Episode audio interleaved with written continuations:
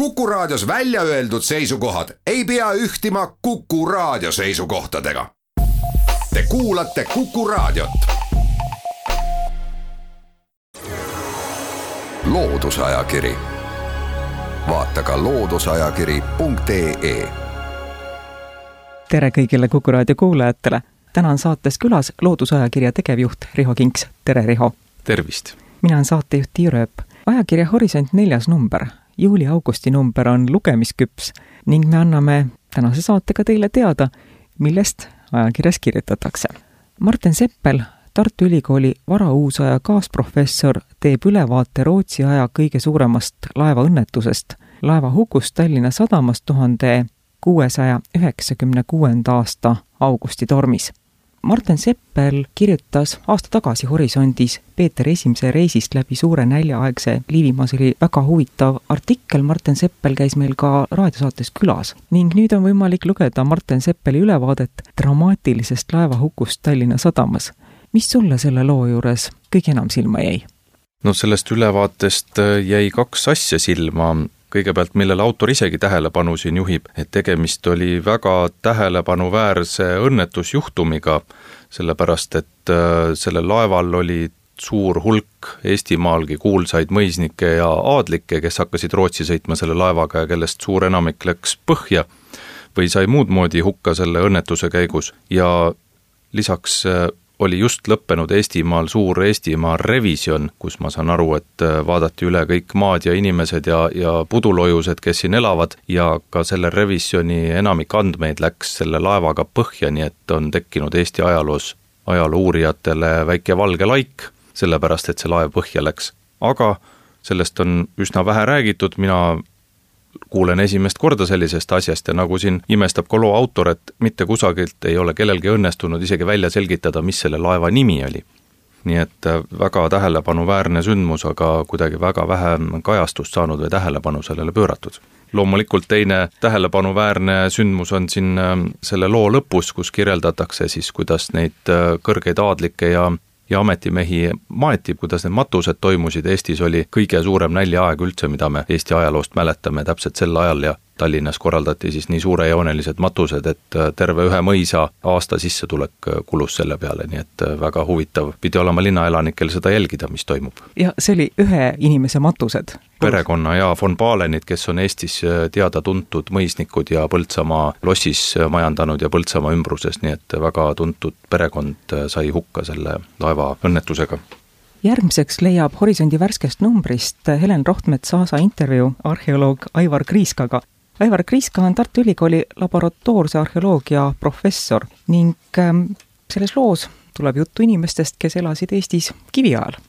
jah, nagu Aivar Kriiska isegi ütleb, et talle meeldib kõigega tegeleda, et hea meelega tegeleks kõigega, aga lihtsalt ei ole aega ja peab valima ja siis talle on südamelähedaseks saanud just kiviaeg, millega ta kõige rohkem kursis on ja millega ta tegeleb. väga huvitav oli lugeda, mida ta väga täpselt ütleb, et see arheoloogia praegu ei ole enam mingite noh, selliste klassikaliste arheoloogide pärusmaa, vaid selleks, et üldse tegeleda mineviku uurimisega, peab tegema koostööd teiste valdkondade uurijatega, nagu ta siin ütleb, et näiteks geneetikud on täiesti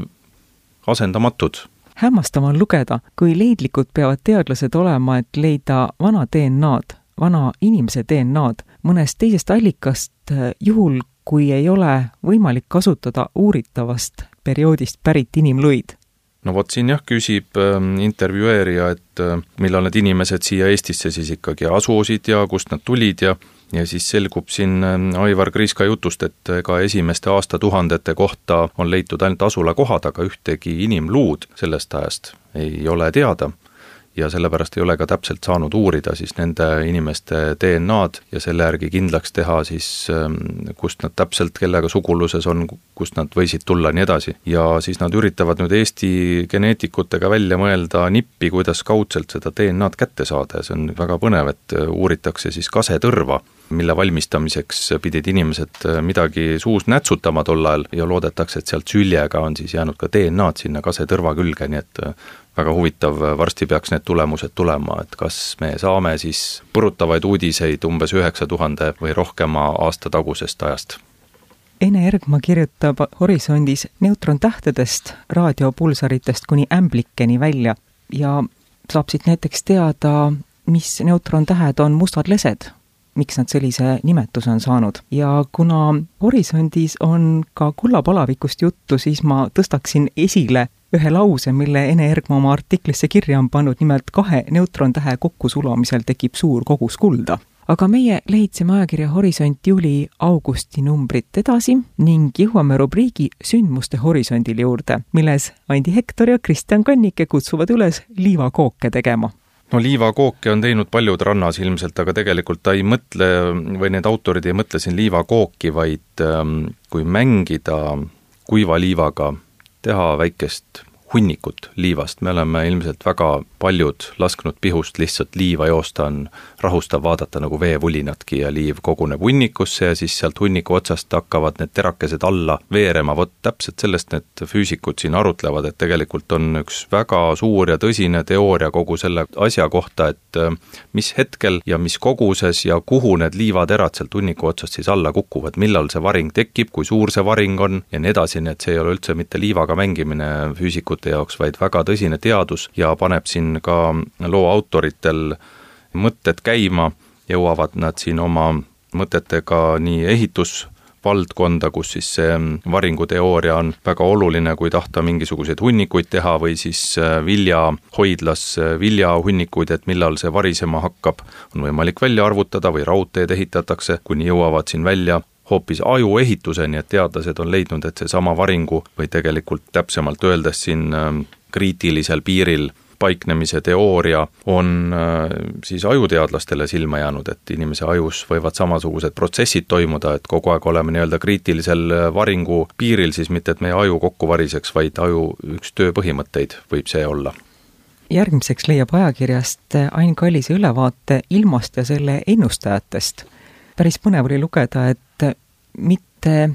väga kauges minevikus, ütleme nii, on ka ilmaprognoosijaid ähvardatud selle eest, et nad ei ole ennustanud meelepärast ilma. no see on väga tore lugemine, sai ähm, siin suutäie naerda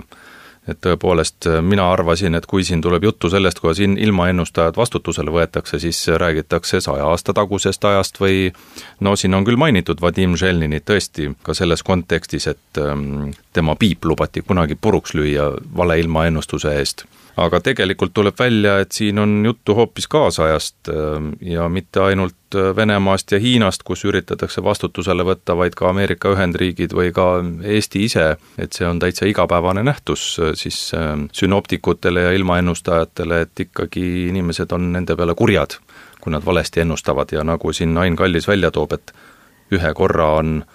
vastutusele võetud ka ennustaja, kes ennustas õigesti ilma pidi tulema mingisugune suur laat ja ennustaja ütles, et kindla peale tuleb halb ilm ja hakkab vihma sadama, aga kuna see oleks väga halb reklaam olnud äh, sellele üritusele, siis võeti ta vastutusele, pärast selgus, et tuligi selline ilm meelekindluse eest võeti vastutusele. jah, nii et äh, tegelikult äh, mina sooviks küll ilmaennustajatele, et jääge ikka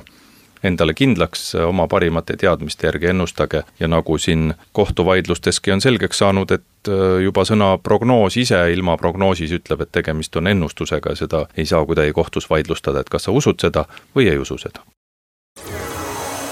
loodusajakiri, vaata ka looduseajakiri.ee oleme pausilt tagasi, täna on külaliseks MTÜ Loodusajakiri tegevjuht Riho Kinks mina olen saatejuht Tiia Rööp ja me jätkame ajakirja Horisont värske numbri lehitsemist. etnoloogid Anu Kannike ja Ester Pardone jätkavad Eesti toidukultuuri tutvustamist ja kui eelmises Horisondi numbris oli vaatluse all Tallinna Naiskutsekooli õpilase konspekt, siis sel korral on tutvustamisel restorani Kännu Kukk õhtusöögi menüü aastast tuhat üheksasada seitsekümmend kaks no vot, äh, siin on juttu jah, Kännu Kukk restoranist, mis asub Tallinnas, kuna mina ise ei ole tallinlane, siis minu jaoks see restoran ise on kauge, mina seal käinud ei ole, aga ma olen küll lugenud nendest asjadest, millest siin põgusalt ka selles artiklis juttu on, äh, kui olid selle Kännu kuke allakäiguajad ja see sai siis äh, Eesti maffia kooskäimise kohaks. aga mitte sellest ei räägi see lugu muidugi, vaid hoopis sellest, et kuidas tol ajal restoranides siis süüa üldse valmistati, kas oli võimalik peenemaid roogasid saada või mitte. ja nagu siin sissejuhatuses üheski autorid ütlevad, et ähm, Nõukogude Liidus olid kõik inimesed võrdsed justkui, aga tegelikult äh, oli mõnel võimalik ikka palju enamat saada ja niisamuti oli restoranis, et tavainimeste jaoks oli tavamenüü, aga kui sa olid tähtsam nina ja siin on juttu hoopis ühest erilisest ninast, äh, see on siis Iraani šahh, kes käis Eestis visiidil kunagi ja, ja kännukukes teda võõrustati, et mida talle head ja paremat seal siis suudeti laua peale leida? Ja siin on see menüü välja otsitud ja arutletud selle üle, et kust need asjad võisid tulla ja kuidas tol ajal üldse siis seda toitu valmistati. See, et kallile kaugele külalisele pakuti hõrgumaid palasid, kui Nõukogude inimesel endal oli võimalik süüa, see on ühest küljest nagu loomulik, aga põnev oli lugeda ka sellest, et Nõukogude ajal olid kasutusel retseptide kogumikud toitlustusettevõtetele ja need sisaldasid retsepte koos kulunormide ja tehniliste juhistega ja olenevalt sellest, kas tegu oli tavalise kõrgema järgu või kinnise toitlustusasutusega, kehtis toitudele ka kolm koguse ja kvaliteedinormi ja nagu siit loost välja tuleb, et ega siis äh, toitlustusasutused ei tohtinud ise välja mõelda, mis süüa nad teevad ja mida nad pakuvad, vaid kõik oli ette nähtud, mida üldse tohib süüa teha ja kui tahtsid sellest raamatust kõrvale kalduda, siis pidid kooskõlastama selle Moskvas, et nagu siin öeldakse, erand oli tehtud rahvusroogadele, et sellega siis kavalamad eestlased said natukene laveerida, et sai siis seal leiutada mingisuguseid omapärasemaid toite kui tavapärane kotlet või eskalopp või mida tol ajal pakuti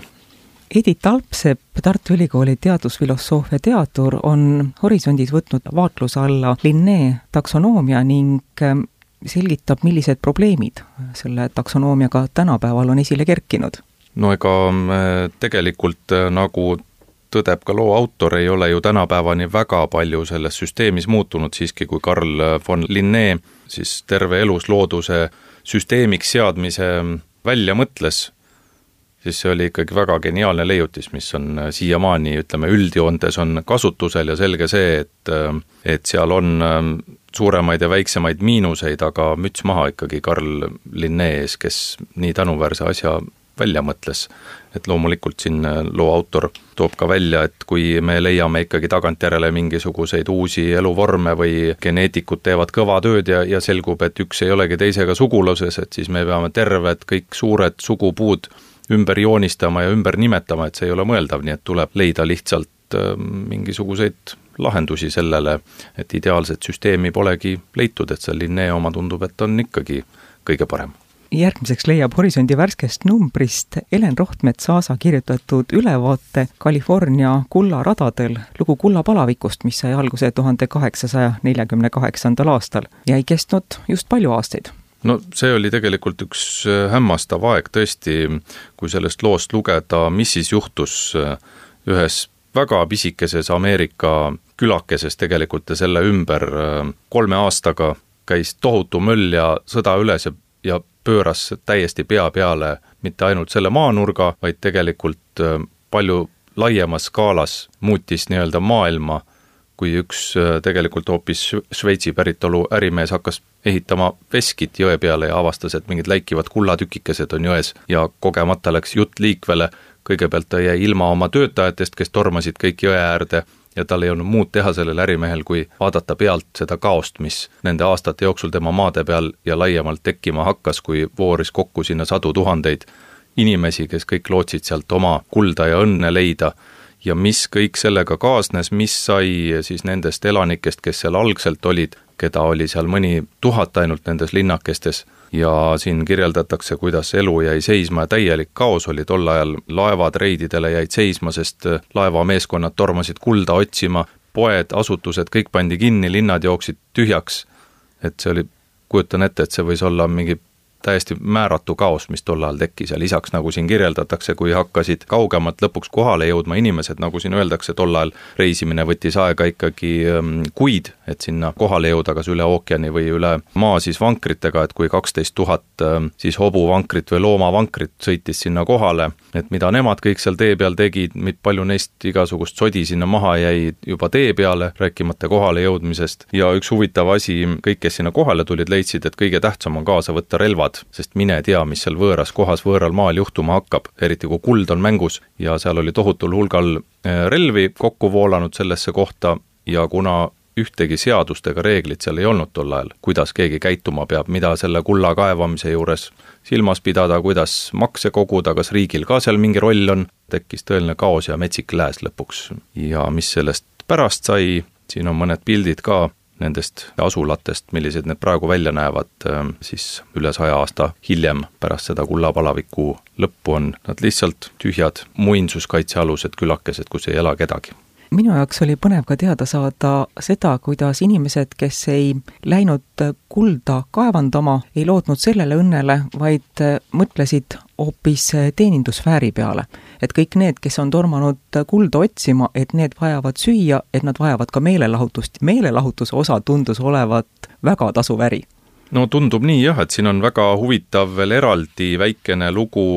naistest ja miks naistest peab siin eraldi rääkima, on tõsiasi, et ähm, umbes üheksakümmend protsenti nendest õnneotsijatest, kes sinna läksid, olid noored mehed, kes siis üle maailma ja Ameerika sinna kokku sõitsid, nii et see oli selline meeste metsik lääs, aga muidugi ka paljudel sõitsid kaasa siis pered või naised ja tuli sinna palju teisi õnneotsijaid ja nagu siin väga täpselt öeldakse, et paljud leidsid, et lihtsam on see kuld saada enda kätte hoopis teistviisi kui seal ojas või, või maas sonkides. Ja nagu siin välja tuuakse, et üks kaheksa või kümneaastane tüdruk on ilmselt see, kes sai lõpuks sellest kullapalavikust kõige suurema kullanoosi, sest tema südantlõhestavalt laulis äh, nendele kullakaevuritele kõrtsides ja tantsis neile. ja kuna kõige lihtsam oli maksta kullatükkidega, mida lavale loobiti, siis äh, siin öeldakse, et tema ema pidi ämbriga kulda siis kokku korjama ilmselgelt kõigest sellest, millest ajakirjast Horisont lugeda saab, me nappide saateminutite jooksul teile rääkida ei jõudnud. soovime head lugemist. Aitäh saatesse külla tulemast keset suve, Loodusajakirja tegevjuht Riho Kinks, suur tänu sulle! kaunist suve! aitäh kõigile kuulajatele, jälle kuulmiseni! loodusajakiri, vaata ka looduseajakiri.ee